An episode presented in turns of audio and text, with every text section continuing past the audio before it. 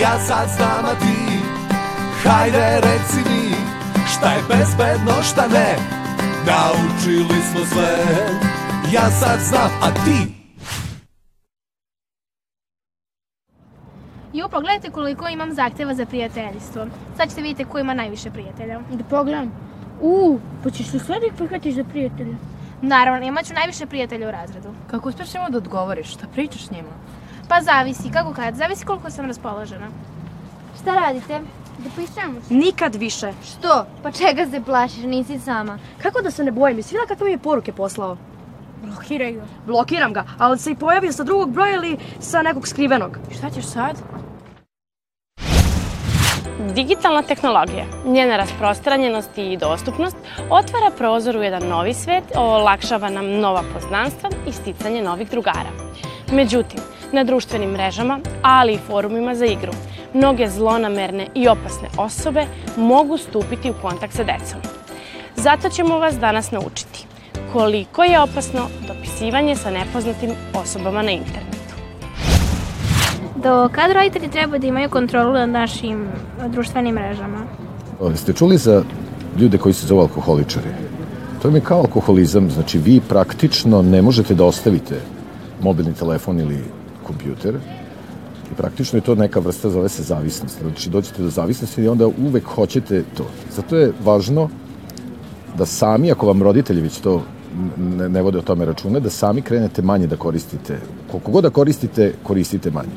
U proseku ne bi trebalo više između pola sata do sat vremena dnevno da koristite ukupno i kompjuter i mobilni telefon, sem u slučajima ono kad imate da radite nešto za domać ili slično, ako morate online i tako dalje.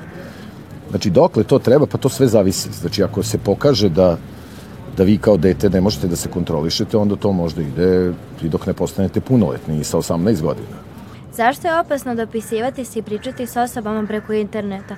To je baš jako zanimljivo, tako stičemo mnogo prijatelja, a i oni me čak bolje nekad razumeju nego osobe koje znam uživo.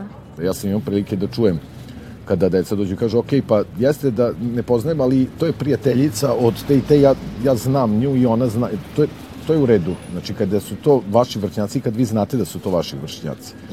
Ali kad je to neka potpuno nepoznata osoba, pitanje ko je ta, pitanje ko je ta osoba, i možda nećete to razumeti do momenta dok vam se to ne desi. Kad vam se desi i kad vam se desi negativno, bolje da poslušate osobe kao što su vaši roditelji koji vam isto tako kažu nemojte i pričati sa nepoznatim ili stupati u kontakte sa nepoznatim ljudima. Vam je neko, rekao to nekad, neko. Da. To je to.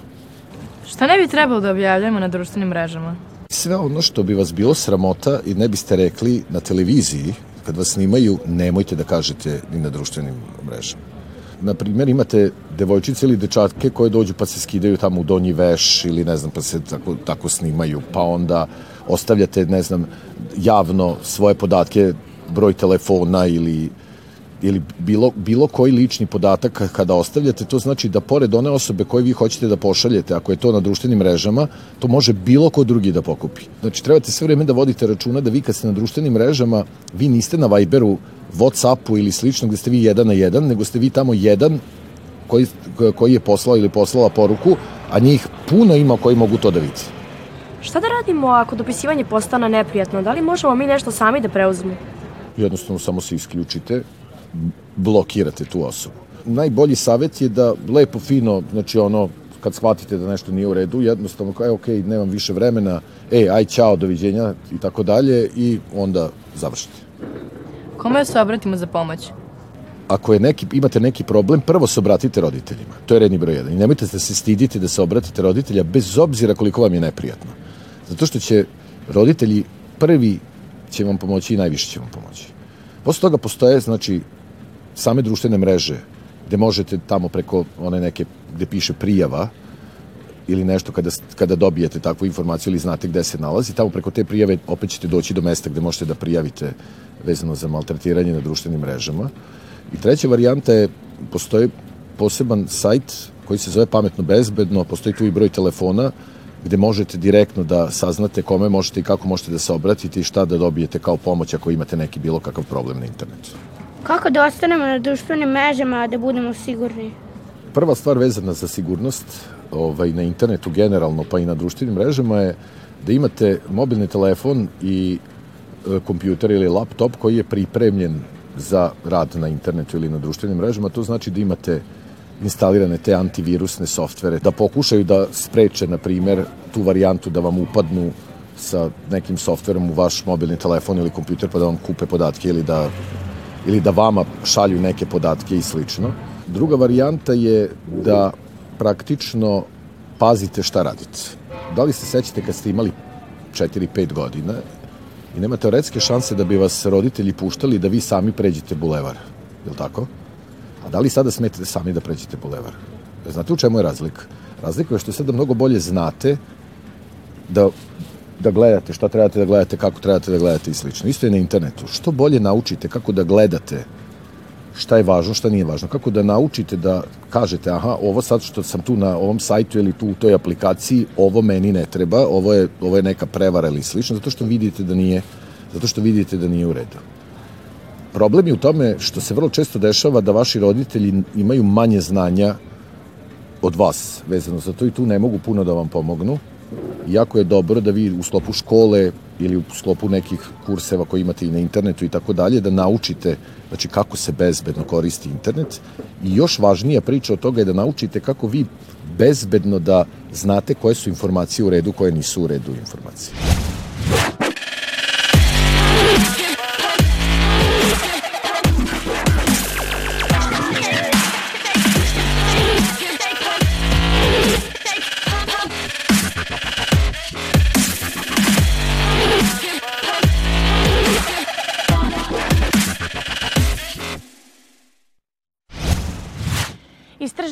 Pokazuju da kada doživljavaju teške i stresne situacije na internetu, većina dece se obrati samo svojim vršnjacima. Nadamo se da smo vam danas pokazali kako da izbegnete neke opasne situacije. A ako do njih ipak dođe, kome da se obratite? Ja sad znam, a ti Hajde reci mi Šta je bezbedno, šta ne Naučili smo sve Ja sad znam, a ti